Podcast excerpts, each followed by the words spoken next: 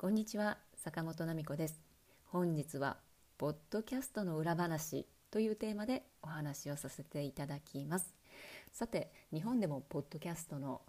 ポッドキャストへの関心が高まり、えー、配信を始めたいなという人がたくさんいらっしゃるようですがまだまだあの日本のアプリ以外には手を出せないという方が多いみたいですね。ちょっと英語設定っていうのも気になるところかもしれません。まあ、アメリカで一番主流なのはアンカーです。で私もヨーロッパのものも使っていますがアンカーで、えー、個人で配信をする分にはあの使っていくのが一番簡単かなというふうに思います。まあ、簡単というよりもさまざまなあのアップル配信えー、アプリと連携できるので一瞬で Apple Podcast、えー、Spotify、Amazon そういったものに、えー、自分のポッドキャストを送ることができるんですよね。それはとても便利かなと思います。さて本日の裏話というのは個人で作成する分にはその裏話なんで皆さんたくさんお持ちかと思いますのでスタジオに呼んでいただける場合のお話をしてみましょう。やはりスタジオに呼んでいただいて、まあ、ポッドキャストといえどもあの YouTube にも配信できるように、えー、動画も加わっています。あの私をもう何度か見ていていただいたかもしれませんけれども。そうするとやはりある程度準備して、えー、エンターテインメントあの見てくださる方遊びに来てくださる方を楽しめるものを作り出さなければいけませんよね。さて、えー、今回のあのポッドキャストは、まあ、私もあのチェコのチェコにチェコ在住の日本人、えー、ビジネス経験が豊富そして、まあ、学歴とかも人からすると、まあ、チェコ人の方からすると魅力的なんでしょうね。で私が現れると、えー、視聴率が上がるということで再びお招きいただきました。そして、まあ、ただ単にあの話すネタなんてたくさんあるので、えー、何を話してもいいんですけれども日本のことあのビジネスですよね。あの心理学の観点からのチェコ日の違い、まあ、その他もろもろ。えー、ただふと思ったのがちょっと今ある計画を立てていて連絡を取っていた方がいました。そしていやもしかしたらこの方と一緒に、あのー、来るのはどうかなと思い、えー、ポッドキャスターの方にですねスタジオのメインの方にお伺いしたところ、あのー、私の紹介であれば全く問題がないということで、え許可をいただきました。さあその方は？どうしようかな。この場で説明するのは少し置いておいて。さでポッドキャストを行う時に、まあ、大体時間は1時間というふうにあの決めています。あの前回は喋りすぎて1時間半ぐらいになったんですけどもそのまま放映いただけました。今回は、えーまあ、1時間というあの予定予定もあのスケジュールも詰まってましたので1時間あのマックスというお約束。そしてあのシナリオは私の方で準備させていただきました。シナリオシナリオはいつもあの自分で準備するのが好きです。ただあの、まあ、招待いただく側ですので、えー、ごめんなさい招待された側ですので、えー、もしネタがないというかどういうふうに話したかか話したらいいかわからないという場合には当然あのポッドキャスターの方が準備してくださいます。ただ私の場合はいつもシナリオを抱えているのでこうこうこうこうこうこうとあの1から1020ぐらいポーンと、えー、ネタを提供し、えー、それをあのいいように料理していただくというふうにしています。ただ今回すごく不思議だったのが、えー、こちら側からシナリオドラフト第1号を投げてもポッドキャスターの方から全く返信が来なくてあれ？おかしいな。まあまあねみんなあの仕事で忙しいのは当然なのでそれでも全く1週間経っても反応がない。うーん10日経っても反応がない。いやこれはさすがにちょっとフォローが必要かなと言ってフォローしたところうんなんかいやまだまだだよねっていう風なうーんには時間がない。まあ時間がないっていうのはみんな言うしうーんどうしよう。っていうことでまあ2日前にちょっとプッシュをしたところ「いや本当にごめん時間がなくてまだ5月の話だよね」って言われたので「いやあのあさっての話なんだけど」って言ったところ「ギャー!」ということで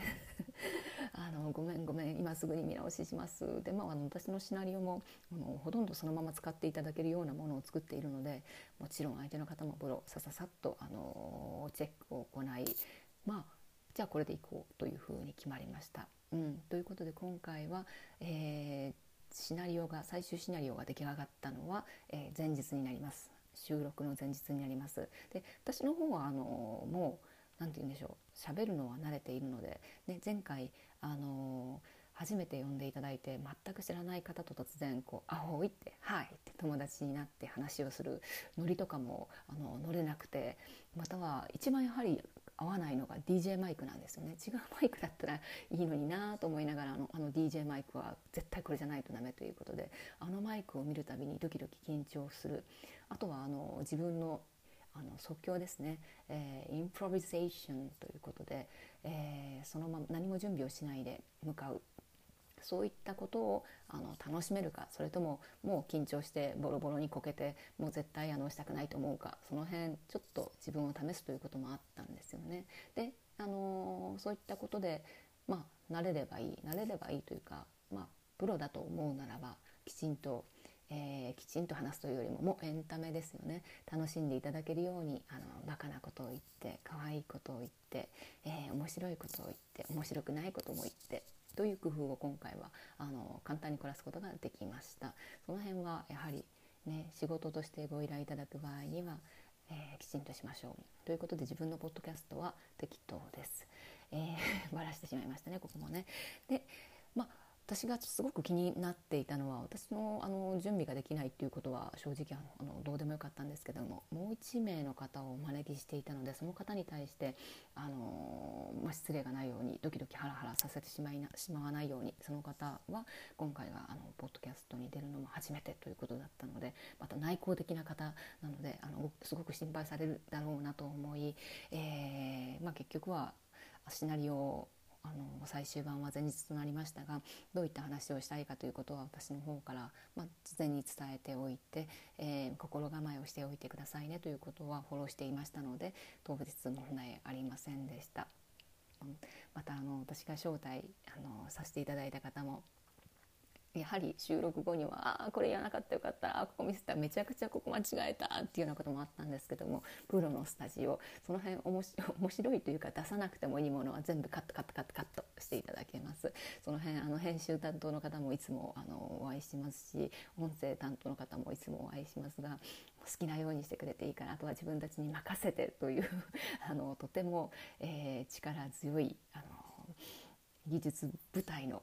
サポートをいただいております。ただあのいつもみんなにマッサージ用の方に言われるのは必ず、えー、配信開始する前に全部チェックして OK 出てからねと言っていただけるんですけれどもいやいやあのチェックしないからあの自分たち側で皆様の方で準備ができたと思ったらそのまま流しちゃって OK ですよっていうふうに伝えています。そういう人も珍しいって言われるんですけれどももうえー、スタジオにお邪魔する時点で足を踏み入れる時点で全てのあのものはそちらのあのコピーライト著作権を提供していると考えてますので、えー、好きなように使っていただいてあの問題ありません。その辺、えー、どういった発言をその場で行っても良いか、えー、しない方が良いか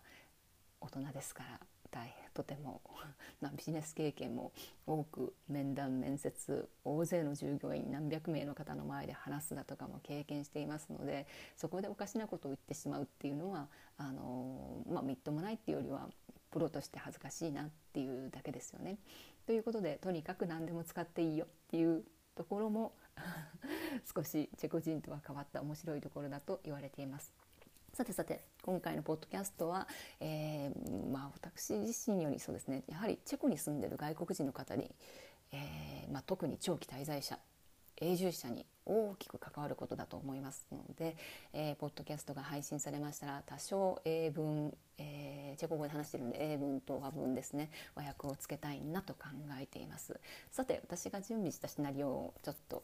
あのー、あそうかシナリオに行く前にその当日ですね。当日もすごく面白いことがあってわプラハ市内渋滞してる。あじゃあもともとねあの少なくとも15分20分は余裕を持つんですけれどもあ全然ダメだということでもう30分早く出なければいけなくなりました。一方、えー、私が招待した方は電車が遅れてるあのということで地方からいらっしゃったんですよね当日。あのこまめに連絡をくださってまずその前にあの私がちょっとあのメールで「あ昨日ごめん返事遅くなってごめんなさい。あのちょっと熱出ちゃってあの夜もあのパソコン見なくて」って言ったら「えー、大丈夫？あのそんなの今じゃなくていいから動かずにあの延期しようよとあの心配かけてしまったことがあったんですけども。いやいやいやいやそういうのはねあの熱があって仕事休まないなんていうのは全然普通なのっていうことでちょっとその熱出た理由ちゃんとコロナかかってませんよこここういう理由でっていうのも説明して安心していただいてそれからあの電車 電車が今日あのプラハに行くのにあの遅れたことないのに遅れてるという情報をいただいてでそしてこまめにあの運転しながらあのメールを送ってたんですけれどもあタクシー呼んだのが来なくなったどうしようって えっとじゃあ他のその辺タクシーないかな？ない。うんじゃあ別のアプリはどう？うんアプリない。もう一台呼んでみた。うん、来るかな。どうしよう来なかったどうしよう今日最悪って結構あの 気分が気分があのどんどんどんどん斜めになっていっちゃってたのでいえいえあの 遅れてきても大丈夫だからあの心配しないであの待ってるから大丈夫だよっていうふうに伝えるとあの安心されたようであのれた時もごめんなさいという形でただあのいろいろトラブルってあるんですよね。その当日に何かあってあの遅れちゃうだとかドタキャンしなきゃいけなくなる、まあ、ドタキャンは多分ひどいケースだと思うんですけどももし仮にドタキャンがあっても、ね、あの今日はこの方を呼んでたんですけどもあの突然あのダメになりましたっていうことをネタにしてもいいですし遅れた場合には、まあ、次のスケジュールがあるので、えー、時間を延ばすことはできない。じゃあ1時間じゃなかったらあの10分20分削ればいいんだよね。その中であの楽しいあのその時間が短くなった中でも楽しんでいただけるように盛り上げればいいんだよね。でまた全部喋らなくてもちょっとだけあの、まあ、ワインのシーンといったイメージでまたはこうちょっと美味しいものを一口パクッとつまむような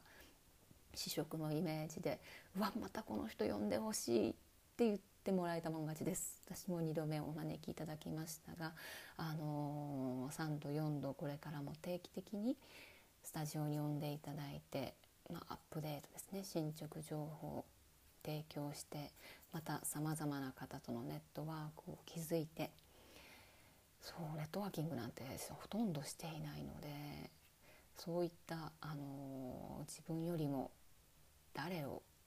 誰と誰をつなげていくことができるかそういったところが大事だったりもするのでそこにポッドキャストを利用すればいいかなと考えました。個人においてはあのニーズの高いチェコ語学習日本語学習あの、ま、私の経験からなのでもちろんその私生活でもねチェコ語使ってますからあのいくらでも教えすることはできますがやはり私が興味があるのはビジネス。もちろん文化交流芸術などもあの大好きですのでビジネスといっても仕事はあの人間仕事だけして生きていけるわけではありません、えー、休日はしっかり休んで自然の中で過ごす、ね、美術館。博物館に旅行にね、飛行機に乗るとひととびですからね。バルト海に行くのも、えー、イタリアやクロアチアやギリシャまたはちょっと週末にロンドンローマそういったことができる楽しいブラハ生活ですね、まあ、ブラハというか、まあ、ドイツにいることも多くなってきましたがさてさて今回のテーマというともちろん自己紹介またご招待した方の紹介そして2人で見つめ合いながら話をしていましたけれども日本人とさてチェコで最も人口の多い外国人、まあ、ウクライナ人になるんですよね。ただウクライナ人の方ではなくアジアでいうとベトナム人です。私の今回ご紹介した方はベトナム人の方女性です。その方にご紹介いただいてじゃあ日本はチェコはベトナムはというお話を、えー、続けていきましたまたやっぱりねあのアジア人ってどこに行っても ま偏見にあったりね、見た目からああだこうだどうのこうのっていうこともあったりするのでそういったことをあのお話しする。もちろんあのチェコで心理学社会学の研究所なんてあのものすごい量出てますのでベトナム人コミュニティ。まあ、日本人は長期滞在資格以上のまあ、永住資格を含め、えー、長期で滞在されている方の人口は、まあ、約ざっくり2,000人です。でその中で永住資格を持っている方というのは本当数百名、まあ、300500の話ですよね。300少しだったと思います、えー、それがベトナム人の方になると60万おかしかったですね、えー、6万人。60万人まではってません。6万人です。失礼いたしました。ただベトナム人の方はすでにチェコ国籍を取得されている方も多いので実際のその、まあ、ベトナム人ベトナムという、えーまあ、国籍というより民族ですねというふうに見るとまあ本当に10万人ぐらいチェコにいるんじゃないかなというふうに言われてます。その辺ちょっとね私だとあのただ単に永住資格を持ってるだけの日本人ですというアイデンティティはあの強固なものですけどもあの生まれてからね、三つ子の魂100まで日本、まあ、ほぼ成人するまで日本にいましたから それがやはりチェコに生まれて、えー、見た目はベトナム人ただ中身はヨーロッパの文化の影響を受けてたとかになるとちょっと自分のね特に思春期なんかのアイデンティティを探す自分のルーツを探すやはりそういったところで悩む方も多いものです。といった少しディープなトークもさせていただいたりやはりご飯のねあの食事についてもこれ違うよねあれ違うよねここは共通点あるよねっていうように楽しくお話をさせていただきました。ただその中で、えー、ごめんなさいこれは第1部第2部はその方のうん趣味というか仕事に変わっていくのかそのちょうど今あのトランスフォーメーション変遷期にあるんですよね。その方はソーシャルメディアでめちゃくちゃ人気のある方です。ということでそのソーシャルメディアにおける活動をご紹介させていただきました。実際のポッドキャストの内容はその方が、えー、ごめんなさいその方々がポッドキャストが配信されてからお伝えしたいと思います。若い特にティーンネイジャーまたそれよりも若いのかな？大人気のソーシャルメディアで自分の居場所を築いたベトナム人女性の方とビジネスバックグラウンドを持つ稼いできた。自分の居場所を全く別の場所でビジネスの世界で築いてきた日本人の対談です。もちろんこの中にもモデレーターさんの役割というのはとても大きいもの。それでは